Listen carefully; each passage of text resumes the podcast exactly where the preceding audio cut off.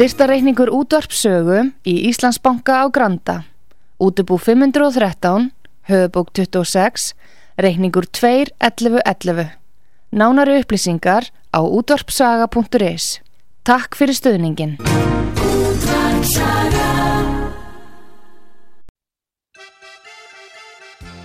Heimsmálinn í umsjón Artrúðar Kallstóttur. Fréttir og fréttatengt efni af Erlendum Vettvangi.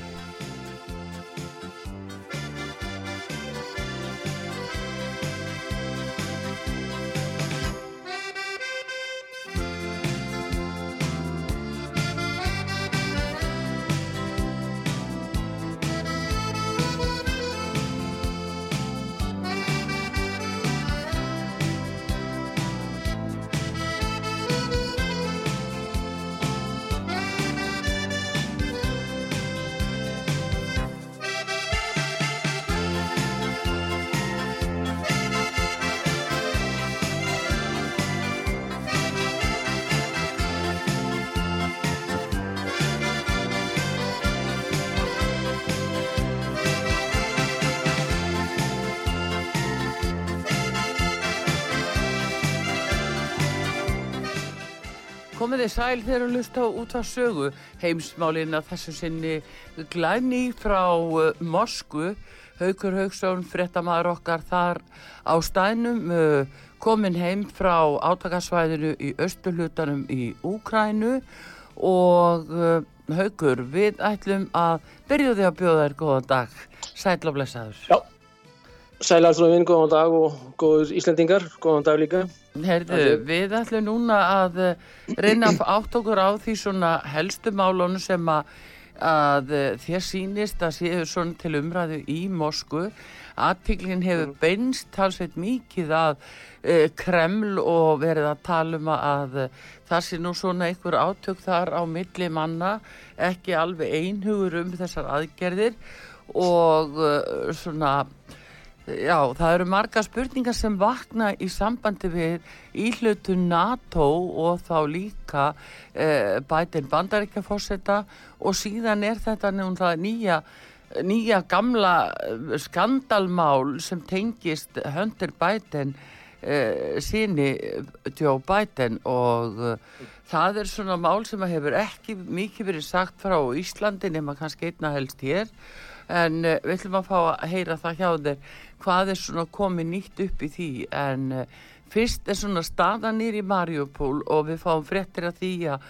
borgin sé orðin fámenn, fólk sé umverulega farið, rússar hafi hins vegar ekki staði við að, að greiða leið eh, almenna borgara frá svæðinu. Hvað segir okkur um þetta ef við byrjum nýri Mariupol? Já, við skulum byrja í Mariupol. Það er náttúrulega er borg sem, sagt, sem er í Asov hafi og er gríðarlega útflutning, útflutningssöfn á staflu, járni og miklu. Þetta er gríðarlegt innarveldi og var náttúrulega gíkant hér á Sávítíkjanum sem var byggt upp uh, á þeim tíma.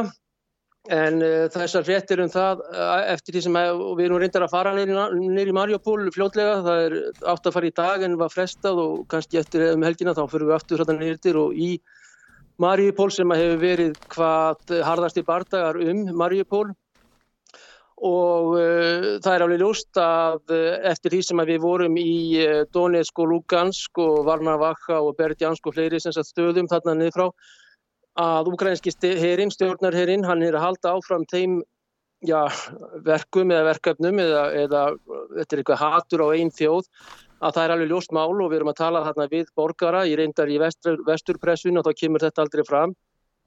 Þeir hafa, verið, þeir hafa verið að skjóta á eigin borgara innan einn landamæra, fólk með sömu hérna, vegabrifin í 8 ár og dreipið 14.000. Mm. Nú eru en, en það verið mjög harðið bardagar í eh, alltíðliðveldurum svo nefndu, Lugansk og Donetsk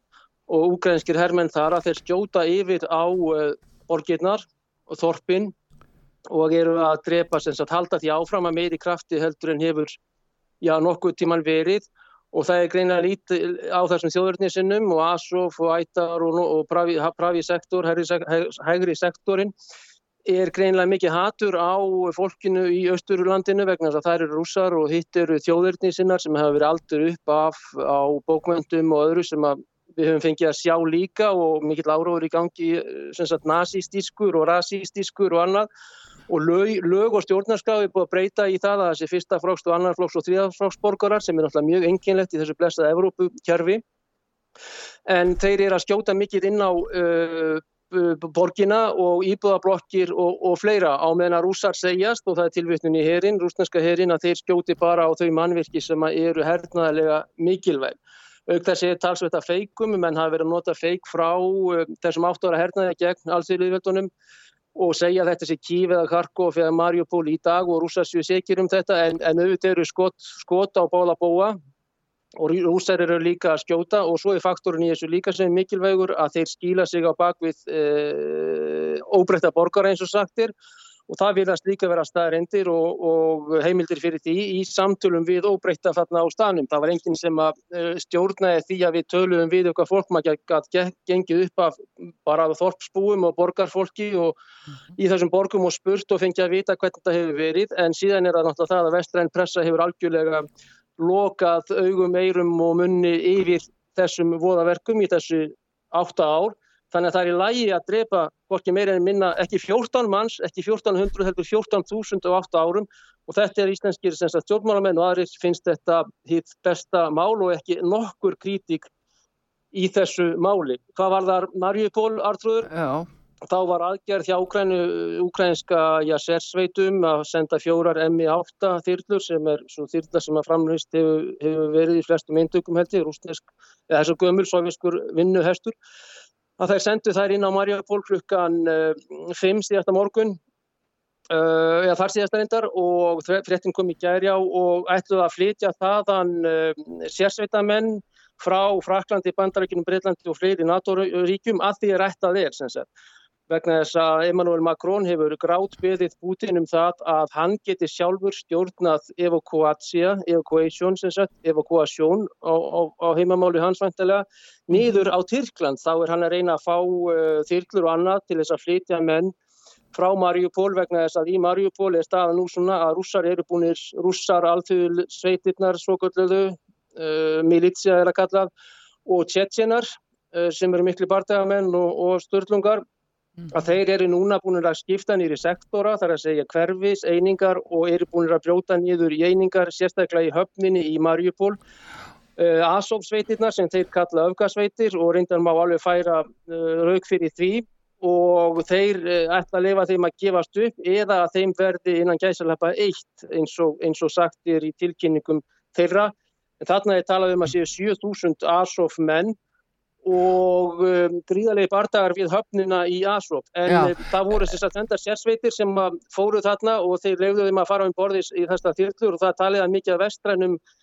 fóringum og svo einhverjir frá eh, Légion étranger þar að segja fransku útlendingahersveitunum vegna þess mm. að Macron var svo aktífur að fá að gera þetta með Erdogan og flytjaði nýra á Tyrkland strax yfir Svarta hafið, fljúa þarna þess að og um, var, þessum styrklum síðan af rúsneska hernum þær voru skotnar nýður og þarna dói líklega 6, já þetta voru 15 manns í hverri þar að segja 15 til 18 manns kannski, þarna er að tala um 60 til 70 manns elitunar af þeim sem að vestrænar uh, struktúrar og NATO eftir vill ættuð að björga niður á Tyrkland. Þannig að það eru tveir sem að lifðu af og eru náttúrulega særðir og og það eru myndir af því að þeir eru í yfirhyslum. En þetta sem segjast rúsar sem geta sannað veintalega að þarna séu NATO menn á fullu sem er náttúrulega talsvöld uh, og þeir séu ekki, þetta er ekki ofinbært frít og þetta séu máláliðar og þess vegna aftur innan, innan gæslappa er rétt strætir. Þetta er mjög leiðilegt að segja. Já, Haugur, uh, bara svo ég skilja þetta rétt uh, að það er eða Magrón sem að stýrir þessu að þarna séu hátsettir menn uh, frá þá NATO sem er að reyna að stýra málum fólksflutningum frá Mariupól og, og það eru þeir sem voru í þyrklunum sem voru skotna niður. Já, það átti að flytja elítu þessara stjórninda sem að voru búin að vera lengi í Mariupól. Það verkefni fórunum þúur eins og við sagðum frá og mm. þá voru náttúrulega slagsmálum þar hver kemist um borði í þyrlurnar og þá voru þetta, já, aðsögnir þetta þessir frá þessum löndum, helstu NATO-löndum og ég kannski glemti Þískalandi, búndis verið einhverjir fóringjar og um, þá er það kannski einhverjir fjórastjórnu eða eitthvað sem að voru þarna auk málarlega sem að bandaríkjaman hafi verið duglegir að senda frá Blackwater Academy og fleiri málarlega fyrirtækjum sem að fá borgað fyrir að berjast þarna við uh, heimamennina. Erum við þá bara að tala um einhverja unga stráka sem hafi verið sendir þarna frá bandaríkjunum? Við erum að tala um uh, menn á besta aldri kannski, jakkan að mér eitthvað svolítið sem eru mjög hátt settir e, eftir vill, sem sagt að, að sögrúsa og kenningurúsa, þetta er hypotesa en þá, sem að voru í því að stjórna vörnum uh, Mariupóls eða því að leifa ekki rúsum að taka yfir Mariupól og þeir áttu líka síðan að vera í vegna þess að Mariupól er hérna austast og ef menn sjá allarsana þá er það hitt besta. Og ef menn eiga þá en þá eða á tölvu að þarna átti að fara af stað gríðarlega herrferð inn í Rúsland og inn í allsvíðlífveldin og inn í norð, norður hluta Krímskaga í þeim gríðarlega öflugu hernaðaraðgerðum sem að NATO sem þeir þykjast hafa sannað með laptopum, þar að segja fartölvum og plöggum, þar er heilu plöggin og möppurnar og okkur var sínt þetta jáfnvel að þarna var NATO stjórnuð aðgerð frá já, bunkernum í Ramstein eða Stuttgart eða eitthvað sem að þeirra Euro, Euro, Eurocommand er um það að þeir ætlaði að ráðast inn í alltfjölífildin og uh, Krímskagan og einhver liti Kvítarúslandi eða náttúrulega einhver að palla og skotpalla upp í Kvítarúslandi. Þannig að mm. þetta er aðgerð sem að menn segja hafa verið að fara í gang eða átt að hafa að fara í gang og þetta er eina raukunum fyrir því að rúsar fóru þarna inn og breyttu heimsmyndinni verulega þann 24. fyrra mánuðar klukkan 6-5 á mótnæðastætti. En haugur er ég að skilja það rétt að þessar Azov sveitir eh, sem eru nýri Mariupol, er þetta sko þessar sveitir sem eru kallar eiginlega nazistar, eru þetta það sem að almennt er talað um að séu nazistar inn í Ukrænu, þeir hafi verið í rauninni bannaðir eh, fyrir stríðið og loka allstaðar á þá og þeir hafi bara sloppið út í, festlofti þegar stríði bröst út. Er það þetta sömu sveitina sem við erum að tala um? Þetta er mjög vel meld hjá þér Artur vegna þess að þetta er nákvæmlega það og þarna upphafið af þessum sveitum er þjóðverðnis, sósialístiski uh, verkamannaflokkur Úkrænu, NSDAP, NSUAP mætti segja sem, sem, sem að er stopnaður þarna upp úr þessum valdaránum og er, honum er síðan breytt í ASO-sveitirnar. Þannig að ef þetta er þessu nafni að dæma, þetta er nákvæmlega eins og NSDAP, að Deutschlands megin fyrir náttúrulega 80 árum eða 100,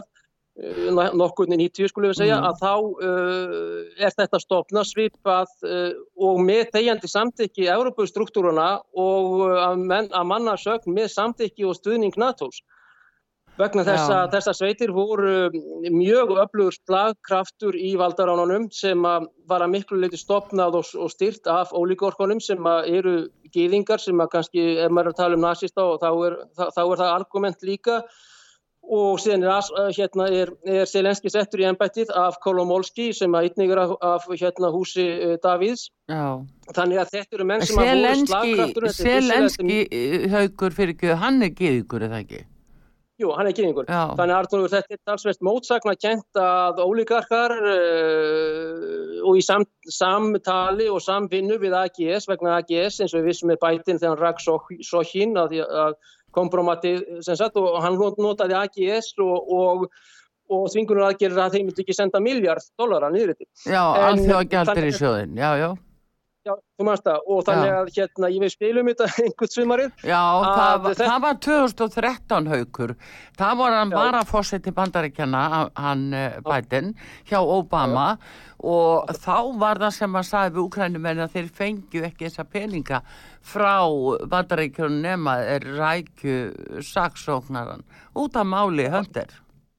Já, já, þetta er alveg ótrúlega raðfærir og ég vona að Ísland leggist ekki svona lágt en, en það er stór spurning með það. Þannig að þessar fasistarsveitir eru, þær hafa verið aldar upp og e, eru í herskólunum í Vestpoint og í Þískalandi og Fraklandi og NATO-ríkjum.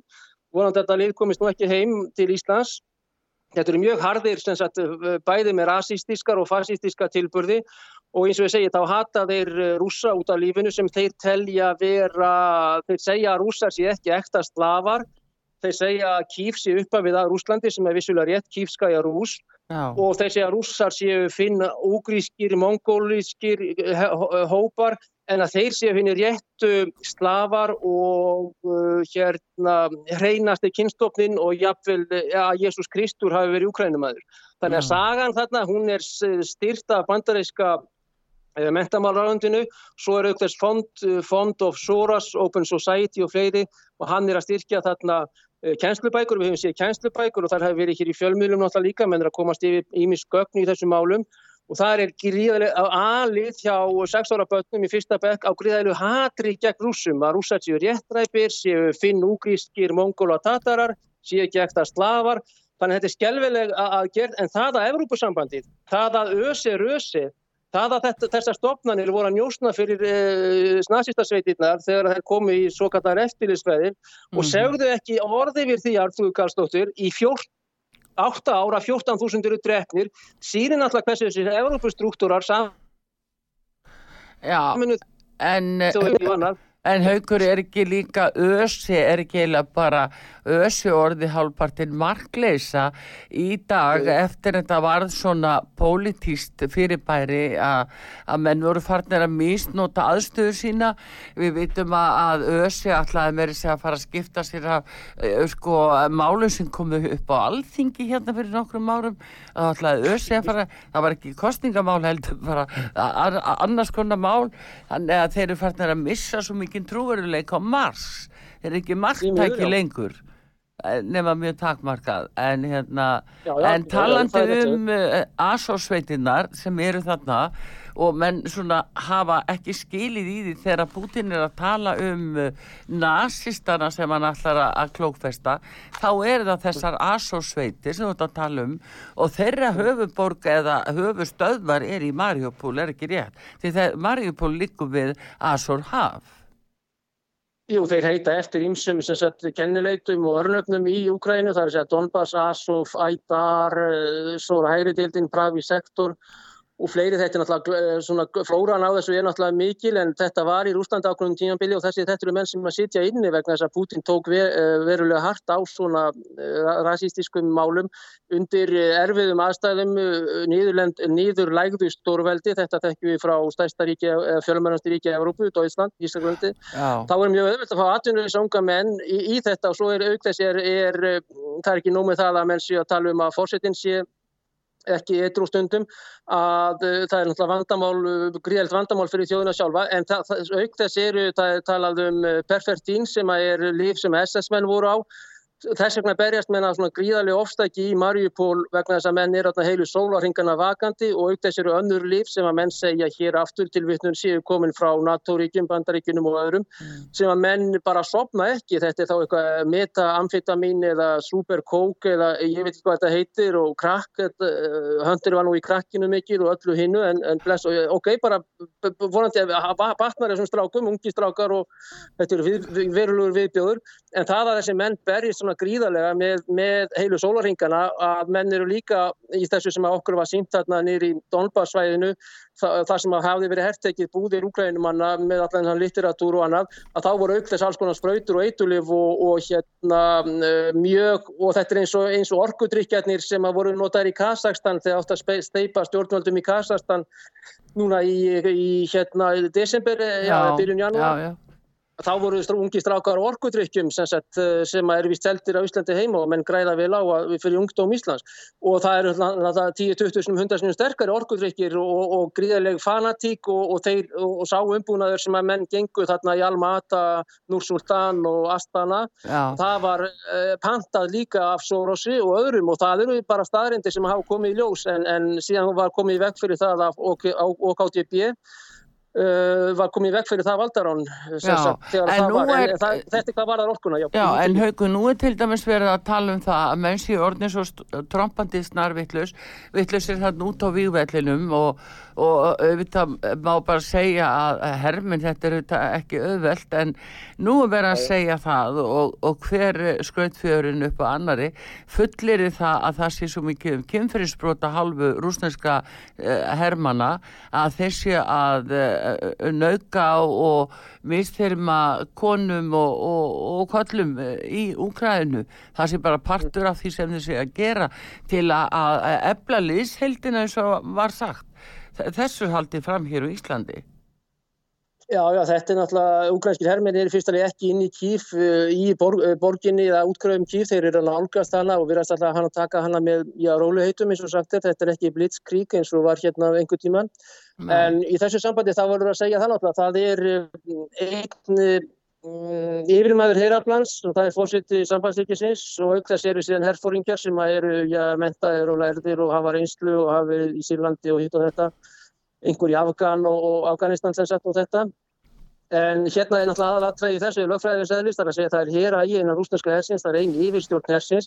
og ef að menn eru í gríteldum, þjófnaði, nöðgunum, morðum, aftökum og pyntingum, þá lenda menn fyrir herjætti, tribunal er það kallað og eftir vil fá þeir þá kúlu í nakkan innan 5 mínútna. En hins vegar, hvað var það Úkrænur hlýðina? Að þá var uh, varafósettistráður á Ukraínu sem að er kona, uh, Írína eitthvað svolítið, uh, Masitsjúk, að hún var að segja það núna rétt í þessu eða fyrir nokkur um hálftíma kannski að Ukraínumenn ætluðu ekki að framfylgja genfarsamkómulæginu um meðferð stríðsfanga þar að segja aftökur sem eru mjög því miður algengar á rúsneskum dátum Já. og pyntingar með öllu óleifdar. En við höfum séð sem og uh, meðferðin á þeim verist vera, já, þeir fá mat, þeir fá að reykja, þeir fá uh, vatsblösku og svo leknisaðstöð og, og fleira og fá að ringja jafnvel heim. Að, en ég veit hvað sem ekki láraður er í því vegna þess að Mýtur þú við? Erum við eitthvað að missa sambandi við Haug Haugsson, okkar mann í Rúslandi? Uh, Ég er að ræða það við hann að því er haldið fram að rúsneskir hermenn séu að beita uh, konur uh, í Úkrænu ofbeldi, nöðganir og annað sem að er talað um að þeir hafa verið staðnir að. Og við erum eitthvað að missa sambandi við en við skulum bara fá auðlýsingar og, og náum aftur í haug og höldum áfram því að það eru fleiri mál sem við þurfum að fá einhverja skýringu á þarna en þeir að hlusta auðvitað út á sögu. Heimsmálinn og Haugur Haugsson frettamæður okkar í Moskvu Artrúð Kallstóttir, við komum aftur í skamastund Heimsmálinn í umsjón Artrúðar Kallstóttur frettir og frettatengt efni af Erlendum Vettvangi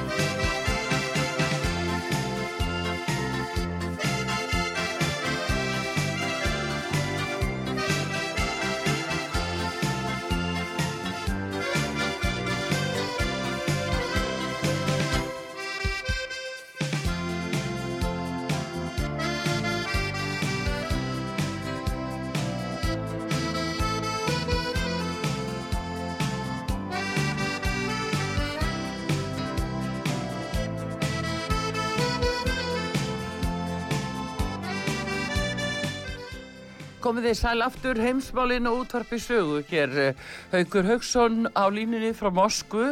við erum að reyna að fá nýjustu tíðindi þaðan en Haugur það er, er, eh, er voru að bera stettir af því að úkrænumenn hefðu í fyrsta skipti farið og skotið á olíubyrðir yfir landamærum inn í Úslandi í nótt var það komið Já. til þín?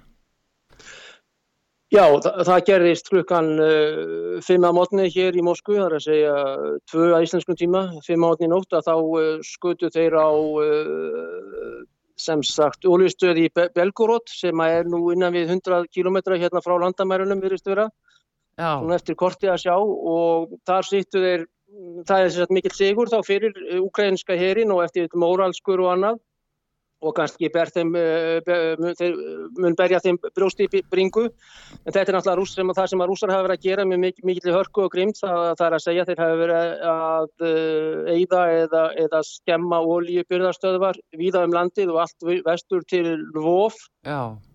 í Úgrænu þannig að strategíst náttúrulega þá er um, verður fljótlega vendarlega bæði ólíu, dísil og, og smurjóljur og annað skortur hjá hér Úgrænu en þetta mun ekki hafa neina áhrif náttúrulega á uh, það gríðilega magn, ólíu og dísels og þetta sem að rússarnir hafa. En þetta er móralskur sigur að ná þarna að fara með tvær líklega MI24 eða MI8 áttuna aftur. Flugum mjög lágt þarna þessa 100 um það byrj kilometra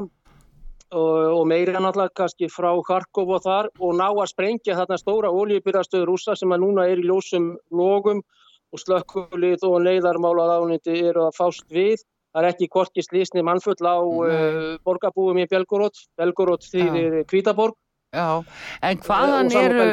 hvaðan fá úkrænumennir þessa þyrlur MI8? Hvaðan fá þeir þess? Já, þetta er sovisk smíð og þetta er svo þyrla sem að framleitt hefur verið hvað mest í öllum flestum eintökum og er mikið notuð í Afríku, Asíu, Suður Ameríku og annað og öflugur vinnuhestur og er flutningaþyrla, ég hef farið svolítið í þessum þyrlum. Já. og það komast þarna, já það eru fallega herrmenn, það komast kannski 20 menn en ef menn sitja á annað þá komast kannski 15 menn fyrir, svo náttúrulega er þryggja mann áhöfn og stýrimaður, velstjóri og flugstjóri og svo reyn skitta ef, að skittu þarf í eftir árásavílar mm reyndar hafa þær aðrar M24 er kalluð um, fljúandi skreitreiki, mjög öflug þyrla líka alligator og krokodillin eru þær kallaðar. En um, þeir náðu þessum grænumenn og aukt þess að þá náðu þeir fyrir umtæpi viku að sökva rúsnesku byrðarskipi í höfninni í Berdjansk sem var líka mikill morarkursögur fyrir Ukraínumenn og veintilega mikið sagt frá því í fréttum vestanfyrir og í Ukraínu sjálfur að sjálfsögða sem að menn stjórna ennþá áróðri og eða upplýsingaöflun fyrir Já. landsmenn og rússar eru reyndar komið rúsneska sjónvarpið þarna í austupartinum. Ég held að þeir hafa lokað fyrir ukrainska sjónvarpið líka en auðvitað mikill áróðus stríð í þessu gangi en þeir skutu á þrjú uh, stór byrðarskip rúsa í Berdjansk-höfn sem að rúsar hafa náð sem að reynda fyrir, fyrir vestan Mariupol þar sem að koncentrasjón eða söfnunin á Asofmannum var í Mariupol í borginni Já. og rúsar þeir fóru síðan með eitt þessara skipa þetta var líka snemmamotni og söktu því í Asof uh, hafinu Já. sem er innhaf Já, já, þannig að þetta er, þetta er að báða bóa en uh, haugur, það eru frettir líka því, ég ætla að fara yfir það það eru frettir af því núna að uh, Putin ætli ekki að fallast á að Evropa borgi fyrir gasi með uh, eurum og hann segir borgi bara í með rúblum hvernig stendur það mál núna? Það stendur þannig að eh, þeir segja þetta með gas núna en hörðustu menn hér eistra í þessu efnagstríði, þetta er náttúrulega prox, þetta er hýbrit vor, þetta er efnagslegt, þetta Já. er stjórnmálulegt, þetta er refsi og þetta er hernaðar eitt stríð þar sem að ungi menn eru látnið að drepa hvort annar sem er náttúrulega mjög sorglegt, Já. mjög först högg frá Kremlin á Ukraínu og allt þetta en e, þannig hann segir það að fljóðlega verður að fyrir ólju, timpur, málma og fleira Sumir segja þetta og leggja jafnvel til hér í sjónvannstáttum og fleira. Já. En Putin segir það að Gazprom sem er enga fyrirtæki, sem er nú einhver kontrollpakki, hvort að 49 eða 51% hjá ríkinu, sé ekki góðgerastofnun, Rauðurkross eða slíkt og Európumenn skuli og, og verði að borga í, í rúplum uh, inn á Rúsland í gegnum rúslandskan banka fyrir allt þetta gríðilega magngas sem að þeir hafa verið að fá inn á efnahag uh, þessara landa. Það kom fréttur á því frá Vatikaninu sem er ákvæmlega áhugaverst opnun og hefur hagsmun að geita líka og það er nú nokkuð sem að hennar hátignar og, og breytar koma, eh, þeir eru mikið með butana í þessu og Vatikani kannski einhver leiti líka sem er merkileg stofnun. En Vatikani er náttúrulega sem er kirkjustofnun og þeir eru ykkur gríðastóran og sterkan banka. Já Banco di Vaticano og eitthvað slíkt. Já, já. Þeir, þeir voru þeir fyrstu sem fóru í það að breyta gríðalögu magni yfir í rúplur, skiptu á börsinum, já. til þess að einhvern veginn þeir nota nú lítið um, gas þarna í miðborg Rómar, mm. en um, þeir sagt, þurfa þá að koma inn á börsin í Moskvu mm. og stopna rúplurreikninga í stórum rúsnarskum böngum, þá ríkisböngum eða engaböngum og borga síðan eftir markasverði eh, gassins á hverjum tíma í rúplum sem að enda í Moskvu verða á rúsneskum reikningum til þess að þeir get ekki haldið þeir senda kannski sagt, peningunum fyrir vestan sem eru þá ennþá í eurum eða dólarum, gasinu yfirleitt verðlægið er sagt í dólarum eins og með oljuna að uh, þá er nýtt system á þessu svona og Putin segist ekki ætla, uh, að draga neitt í land með það að nú skulum menn hér eftir borga með heimagjaldmiðli Rúslands og fyrirframgriðslur oh. og annars, annars að þá stoppar hann fyrir gasleysluna uh, til Evrópu og það er vist mjög lítið eftir í pípunum það er eitt mánuður, þrjár vikur í, í vestuföllunum, þar að segja ég held að Þískaland sé illa sett, finnatir eru 95% háðir rúsnesku gasi. Þannig að þá er hægt við því að uh, sá skortur og að uh, efnaversmiður, pappisversmiður, efnaiðnaður þar að segja sementið fleira og fleira, fleira stoppi bara núna í sumar í, í Evrópu og þar að segja Þískalandi sjálfum sem er alltaf sterkasta ríkið með miklum erfiðum afleiðingum. En Putin sem sett bara aftur til vittnuna, hann segist ekki að draga nýtt í land með þessa ákvörðum sína sem að ég held að hafa komið eh, Evrópamönnum mjög óvart og þeir búast ekki við jafn föstum skotum eins og hann er byrjar að skjóta núna og með þessari ótrúlu innrásin í Júgrænu sem hann stóð fyrir þarna fyrir fimm, já, fimm já. vikum. En þetta er náttúrulega efnaðastvinganir og viðskiptaþvinganir á báða bó en þetta er efnaðastvingun og og hann beitir þess á móti þannig að það er svo sem máttu búast við því líka. En, en ymmit já, en ymmit sko fyrir bara mánuði síðan að þá hækkaði Sælabanki Rúslands uh, stýrivexti við 20% og það var raunverulega uh, mikill skellur. En núna er Rúslandin búin að jafna þetta aftur og og viðskipta reikningurinn orðin bara komin í lag aftur samt þrátt fyrir gengisfellingu. Er það samningurinn við kynverða sem bjargar, bjargar þessu? Já, þetta er mjög merkilegt hjá þér allur vegna þess að, já, bara svona, þá er Lavrov, hann er núna í nýju deli og er að tala þarna við nærendara móti fórsættisráðra. Já. Putin mun tala við Erdogan í síma í dag og aukþessar í miklum tengslum við kynverjana. Þannig að þeir eru að mynda austrandvandalag gegn vestrinu, þar að segja gegn Norður-Amerikus og Vestur-Európu eða Európusambandinu og þessum NATO-ríkjum. Virðast vera að takast rúsum að mynda nokkuð sterkbandalag og með sátunum að menn í alri aðsi orðnir, uh, já, rúsa megin er gríðileg frétt til næsta bæjar. Já. En hvað var það rúblunarþröður og annað þá um, er efran, hún er núna 92 rúblur og dólarin 83 rúblur en þessar tölur voru um 150-120 þegar að vest við en eftir þessa tilskipun Pútins um það um, hann hefur greinlega já, færa ekonomista og, og hvað skulle ég segja ráðgjafa og Elvíra er þarna í, í bankanum. Já. Katarakona, að um, þá er hann að rétta rúbluna verulega við og menn búast við styrkingu rúblunar en þá vegna mm. þessara tilmæla hans og hversu vel þetta vilist vera að ganga skulum við segja eða þetta sé að ganga eftir plani að þá eru hörðustu menn á því að fara yfir í aðra resúsa þar sem önnur auðlendir rúsar sem að þeir selja gríðlu magni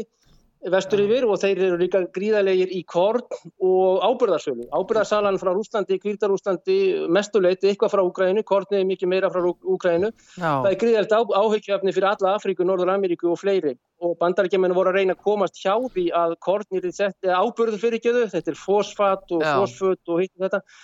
að kornir er ekki sagt inn í þetta en eftir því sem stöðið stöðið sem að komið er á Pútin að þá mun hann eflaust eða eftir vill svelta Norður-Afríku, Ameríku sjálfa af ábyrði sem er, er líkil atriði sagt, í þessu, þessari styrjöld efnagsmála og því miður heita stríðinu líka. Jó, jú, en, en eins og ég seti bara fakta Artur minn og ég bara er að segja það að Rúbland styrtist um þetta í morgunum voru tölurnar 80, 92 fyrir eurun og 83 fyrir dólaran sem að ég held að fáur hafi búist við og ekki síst í vestrinu Nei, nei, af því að þetta gerist bara á 20 dögum í raun og veru. Það svona, hvernig hann gæti snúist svona við. En uh, hérna þannig að, þessar viðskita þinganir og efnaðs aðgerið kannski í vesturlanda eru ekki að bera þann árangu sem henn heldur Enga vegin, enga vegin og það er búið að styrkja samstarf rúsa og kynvira gríðarlega. Og ég held að Ólimpíufindurinn í Peking, í Beijing þann uh, annan eða þriðja 4. februar uh, feb fjóra februar, já, svo byrja líkatnir að kvöldi fjóða, það er rétt, eftir við fjóða, að það sé mikið vendipunktur vegna þess að Xi Jinping, mm. Eh, formaður kynveska ríkistráðsins og Pólítbyró og þetta, hann er ekki fórsetið, hann er formaður eins og Máu var, Máu formaður, að hann hérna er anti-amerískur klan vegna þess að þeir sem að voru á undan, Hu Jintao og fleiri og uh, mann man hétt, en, en til dæmis náttúrulega svo Xi Jinping hérna hann þessir að undan að þeir voru meira svona svag, gaggart vesturlöndum en bæði hvað var þar hérna hann Xi Jinping og fleiri að þá er hann í eðli sinu og hann ætla sér að vera til 2030 eitthvað svo lis og er mm, komin í mm, tölu manna eins og eins og má formaður sjálfur og Deng Xiaoping já og hann er í eðlisinu anti-amerískur innan kínverska stjórnkerfisins, flokksins og politbyró. Þannig að ég held að það sé að nást þarna mm, sáklan Sís formans og, og uh, Putin, sagt, flokkur Putins og hans klan eða, eða já, klan, já, allt í lagi er að nást alls sterk anti-ameríska andstaða. Og ég held að dollara eigundur og dollarin sjálfur og FRS sem er Federal Reserve System sem er ekki banki heldur system. Að þetta eru menn sem eru mjög sveittir held ég í dag og, og morgun og í, í, í gær kannski í fyrsta lagi þessum rástanum sem eru að gerast og ekki síst þegar að Salman uh, svara ekki síndali frá bæten sem er pilsin í Al-Riyad í Sáti Arabi Já og það, það, þannig að við langar aðeins að heyra aðeins betur haugur uh, örstutt í sambandi við þetta nýja bandala sem þú ætti að tala um. Það er þá rússar, það eru kynverjar það eru sátarnir, hverju fleiri? Þetta er Shanghai-bandalagi sem er eh, stopnað sem ákveðlega lítið einhvern veginn tala um á vestrænum, ég bæði fréttaskýrandum og sérfræðingum og aðrir. En þarna eru löndin sem sagt í fyrir um Sovjetríkinn flest sem sagt. Auðvitað er það ekki Grúsia og, og Ísraelsríkinn. Þarna eru hafa haft eh, sem sagt áhengnar fulltrúa eh, Pakistan þar sem er Imran Khan sem kom hingað í heimsók sem er að fara að kaupa mikið gas og olju frá rúsum Mm. Og auk þess eru löndin þarna í allars, allir í suð og suðaustur og suður Asjú líka, Indlanda sá suður líka. Já. Og auk þess eru Bríksríkin sem eru eh, BRIKS, það er Brasili, uh, Brasilia, Rúsland, Indland, Kína og Suður Kórea. Þetta eru fimm stór og mikil ríki sem er helmingur mannkins og rumlega það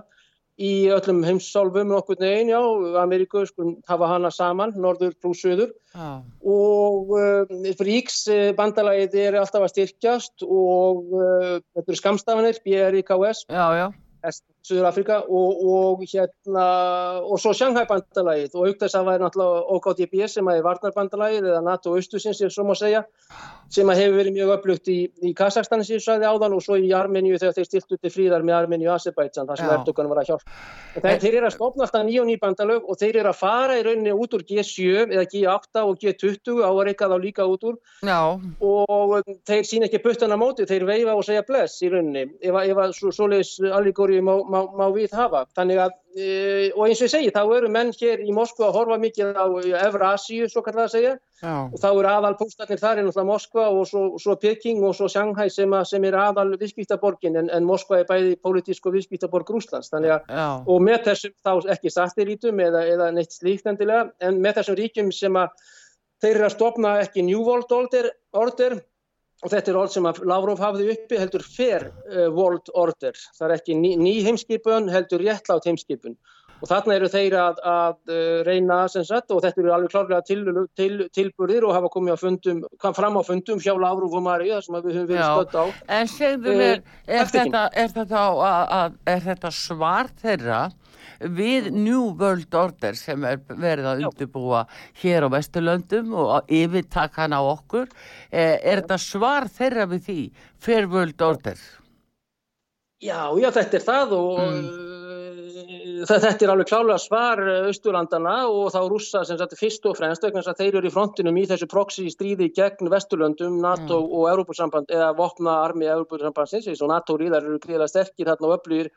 með uh, mikla sérfræðinga í Ukrænu allri. Já. að þetta er svað rúsa sagt, við New World Order sem átti að koma þá uh, ja, upp úr stríði og að sérstaklega upp úr fallið Sovjetíkina þegar að Vesturlönd með bandaríkinni brotifylkingar og bætin og Obama sérstaklega demokrata og þessi líberialismi og neokon fólk sem er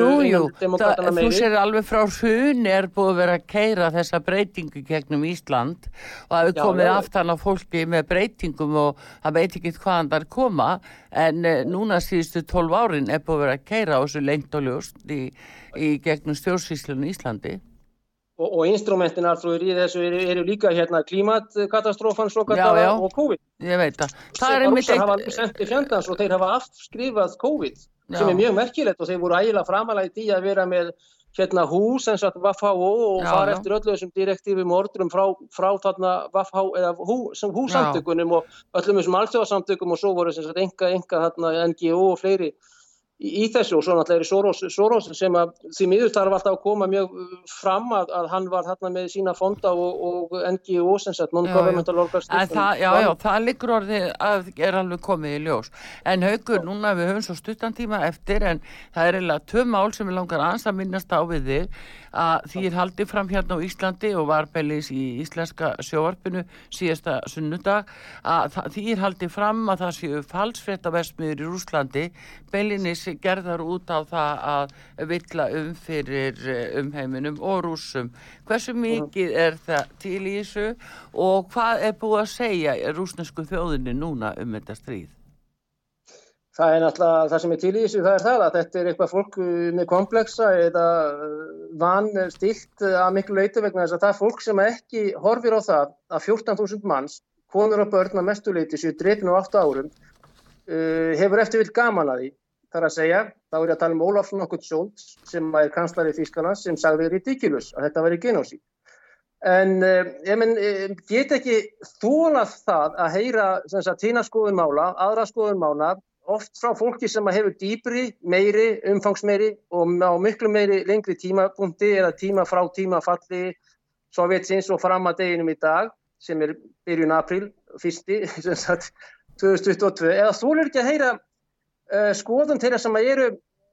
já, höfum bara þekkinga meiri, skulum við segja, á þessum hlutum og er með svona aðrarins yfirlýsingar og aðrar, hérna, þetta er líka þessi yfirmátskend eða oflæti ákveðina, oft er þetta sagt, þessi pólitíkusar og, og, og fréttamenn og, og fréttaskýringar og ákveð, ákveð, ákveðin típa, típa fólki, þá bara er illa, illa fyrir fólki komið vegna þess að uh, það eru vissulega allt, það er ekki bara þessi NATO uh, hérna og þetta er fólk sem að er orðið mjög hrifið að NATO núna þegar NATO er orðið global instrument uh, en þegar NATO var gegn Sovjetríkunum hér fyrir þegar það er stopnað upp úr 49 þá var þetta fólk á móti NATO þegar NATO er að vera, verða verri og verri samtök og þá verður þetta fólk með því Já. en uh, það, það, það staðan er svo að það er bara ymsar sko, skoðanir og það eiga að vera akkurat fólk að tala um hérna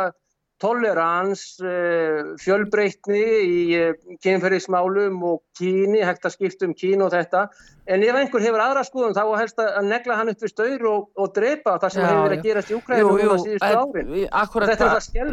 þetta er alltaf það sem að, hjá þessu, þessu hræstnara fólki og, og bara sorglegt að mínu mati. já þetta er að gerast hér á Íslandi fyrir fram að nefið á okkur að það er verið að, svona, að segja okkur að taka ekki marka á falsfréttum og sem að komi akkurat þaðan og, og beinlinist haldi fram að það sé bara versmiður í Rúslandi án raukstuðnings, ég tek það fram, það var engin raukstuðningur á bakvið það. Er ekki, ekki rökstuð, það búin að loka fyrir mig á Facebook, ég má ekki skrifa á Facebook, Egil Helgason var eitthvað með einhverja stæla hérna gaggat mig, ég get ekki svarað agliðinni Hallgrími og vegna þess að Súkerberg sem ég er ekki sammála, hann er búin að loka fyrir mig Já, á, já. á Facebook. Já, og dæmi gett fyrir Egil að hann segir fréttaritari með, með hérna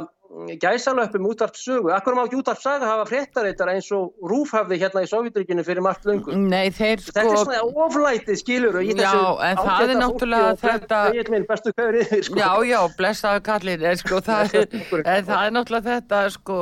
að menn vilja náttúrulega fá að hafa bara sín enga og forréttinda stöðu á fréttum og stýra þeim auðvitað og, og þessin er það sem að, að það mælist nú ekki vel fyrir að aðri fjölmjöla sé að koma önnu sjónamið og varpa þá þar alveg til ljós á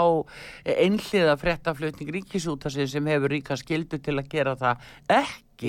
en alveg að síðustu þá er það stóri skandallin núna uh, frá Hunter Biden og fyrirtækja hans uh, Metabiota uh, sem uh, er þarna í Úgrænu uh, núna er að koma alltaf meira og meira í ljós uh, hversu rosalega hann var innviklaður í ja, uh, og tilraunir í Úgrænu Sónu Bæten, hvað getur þú sagt okkur núna um þetta haugur á teimu mínútum? Já, já, það er greinlega planið að Hunter Biden með sín fyrirtæki og, og skúfufyrirtæki og aðrir fái að koma sínur rannsóknum í gang hjá ákunni fólki á Vesturlundum sem að vill ekki að neitt að sér talað um óþægilega hluti og svo hinn að hlið mála vegna þess að þetta eru fleiri, fleiri útskýringar á þessu. Þetta, rótin er fallsávitríkjana, rótin er um, flókið efnaðaskerfi, flókið samsetning þjóðfélagsins í Ukrænu og svo náttúrulega valdaránið frá 2014. En beint að þinni spurningu að þá er Hunter Biden, hann er verktaki hjá Pentagon og Hilbriðisránandi bandarækjana með eitthvað skúfi fyrirtæki sem að, e, e, eða, þetta var nú stort fyrirtæki hérna í gasinu, Burisma, en hann er með fyrirtæki sem heitir Metabiota sem er uh, talsvert upplugt í því að uh, biolaboratorium, það er að segja lífefna uh, bæði vestmiðum og svo rannsóknarstofum í Ukraínu, sem sagt, þar sem eru bæði lífefnavopn, efnavopn og fleira þróuð Já. og nýjast í þessu að þeir voru til dæmis eitt útbóðið var gegn Gagvart Bæraktar sem er Tyrknesk öflug drónavesmiða Bæraktar þýðir flagskip á Tyrknesku og þetta eru öflugu drónar. Í því hvað væri hægt að dreifa miklu af efnum yfir á, já, vantilega rúsnestsvæði, telja menn hérdan, en það var eitt af þessum dæmurum í þessum tender, í þessu útbóði var hversu mikið væri hægt að dreifa yfir á óvæðinsvæði vendilega af alls konar efnum í fljótandi uh, hérna kornformi og fleiri þá yfir að rúsnest svæði. En Já. það er líka komað í ljós með þessari hérna biolabin eða löpin sjá hjá könunum að þeir hafa verið í því að, að með genetískum hernaði gegn rúsum, þar að segja genetíkin, það er það sem að Kári fíla okkar er í, Kári Já. hérna Stefáns Já. og framalega og e, e, hérna hvað er þetta, genetík e, dæmi sem er náttúrulega erðafræðin og þetta, en þetta telja meina séu, já, hernaður nútímans sé í þessu að, að leggja heilu tóðurkuna að velli með þeim sjúkdómum sem eru viðkvæmar eða sagt, sem að ná strax og vel og inn á þessar þjóðir. Og þetta er menna að segjast, sagt, segjast hafa sannað, takkið eftir þessum orðum mínum, segjast hafa sannað að þetta sé og þeir náttúrulega stútir alls konar plögg sem eru á ennsku, rúsnesku en, en vinnutöngumáli náttúrulega var rúsneska Já, þeir eru að gera rannsóknir með, með genabreitingu er það ekki?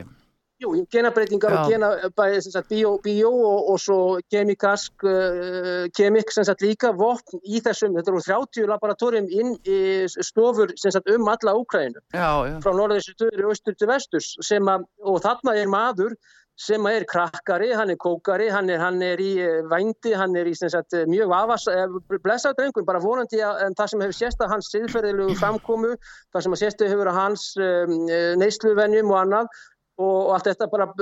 óskum honum en þannig er hann aðal maðurnar trúir í því að, að skipuleikja, framkvæma og þessu framkvæmnastjóri yfir rannsóknum Pentagons á samt uh, reyndari Soros líka í þessu tíðnefndur. En er það Jó. skýringin á því kannski að Joe Biden er svona æstu núna út á Ukrænu og er Já. að verja Ukrænu svona og bara dæla vopnum e, er það svona vikvæmt að þetta er sonur hann sem er í, í braskinu þarna? Já, ef að menn kemur höndum yfir dengin sagt, og það sannasta sem að menn er að telja hér og er að já, rannsaka hérna með ótrúlegum sagt, já, plönum hjá þessum fyrirtækjum. Og þetta er allt skjálfest, reynda var þetta brent þarna víða um landið og þeir hafa bara náð þessu úr austupartinum, þá er það nokkuð sem að er, eh, já, domstól eh, yfir, eh, já, þó að væri hérastómur í, í einhverju fylki eða Ísafyrði, sko, skilur, þá er það mál sem er gríðarlega alvarlegt mál, hvað var það lögbrót og annað og svo náttúrulega mútugangurinn og þjófnaður og annað sem er tengt þessu líka sem að höndir hefur verið í, bæði já, í orkugeranum og og, og, skatta undanskott, skattamáli og, og, og peningaþvætti, það er allt komið fyrir dómstóli bandaríkjunum núna. En það er bara spurning Þetta, er, þetta, er, þetta er svonur bandaríkjafósita þetta er svonur og þeir eru nánum tegnslum valdamesta manns heims sem er í öðrum eins aðgerðum. Og þetta er bara sannað að hann er þarna í stjórn þessara eh, metabiota en veistu, veistu að það er merkilegt sko að þetta komst upp í gegnum tölfunans uh, hönders og þetta já, já. kom upp nýju mánuðum fyrir kostningarna síðast í vandaríkjónum í fyrra að það var búið að vera sko í dómsmálarandin í nýju mánuður undir stól uh, meðan að kostingabartan uh, fór í gegn Já, já, þannig að núna er þetta komið upp á yfirborðið og tengist svona mikið inn á Úkrænu þeir eru búin að misnota Úkrænu og velvild þeirra og kannski fátakt og, og eimt líka. Þeir eru búin að misnota það Já, þeir hafa bara mismótað þetta kerfi og þeir hafa komið á þetta hverjum góðsánum með að spiltu stjórninu á fæturöðurum og markmiðið er það að hafa þetta því spiltara því betra vegna þess að þá er hægt að ganga lengra og lengra og lengra í þessum ótrúlega aðgerðum sem er að koma í ljós núna sem að voru, svona það koma aldrei fram hjá þessum vitringum heima en eru gríðarlega alvarleg, alvarleg, alvarleg mál. Ég er ekki að, innra, ég er ekki að rétta þetta að innráðs rúsa en það eru bara nokkuð og grimma, grimmar árásir og öflug, sagt, gríðarlega grimmar aðgerðir. En það er bara nokkuð sem að verður að koma í ljós uh, í þessu já, máli sem að hefur margar hlýðar og er marg slungið og það er eitt af þessu sem að ég held að enginn hafi búist við og þeir hafa kannski haft einhverja njóstnir af þessu En, en Putin fer kannski ekki inn í þetta út af þessu en, en, en eh, það eru reyndar önnur, það er já, það já. að honum var ekki svarað, þeir sendu puttan á hann, það er að segja íslenska auðvitaðslandið, NATO og önnurös og Kanadira sem það fyrst og fremst, þegar þeir voru að senda bref og, og byggja um það að það yrði rætt öryggisaksmunir Rúsland út af því að NATO er komið upp, upp í hjónarúmið. En það er svo margt sem er, er að koma í ljós og mjög, bara, bara eins og Ragnar Reykjás, þetta er gríðarlega skítalegt af þessu máli. Já, á, þeim orðum haugur þessu hverki loki greinilega en uh, allavegna við bara þökkum þeir kjallaða fyrir innkomuna núna og uh, heyrumst uh, betur og síðar. Hafðu það sem allra best og, og bestu hverjur frá okkur hér á útvarpi sögu. Já, takk fyrir Haugur Haugsson fréttamaður okkar í, Mosku Artrúð Kallstóttir, takk fyrir sig og takknum aður Davíð Jónsson verið sæl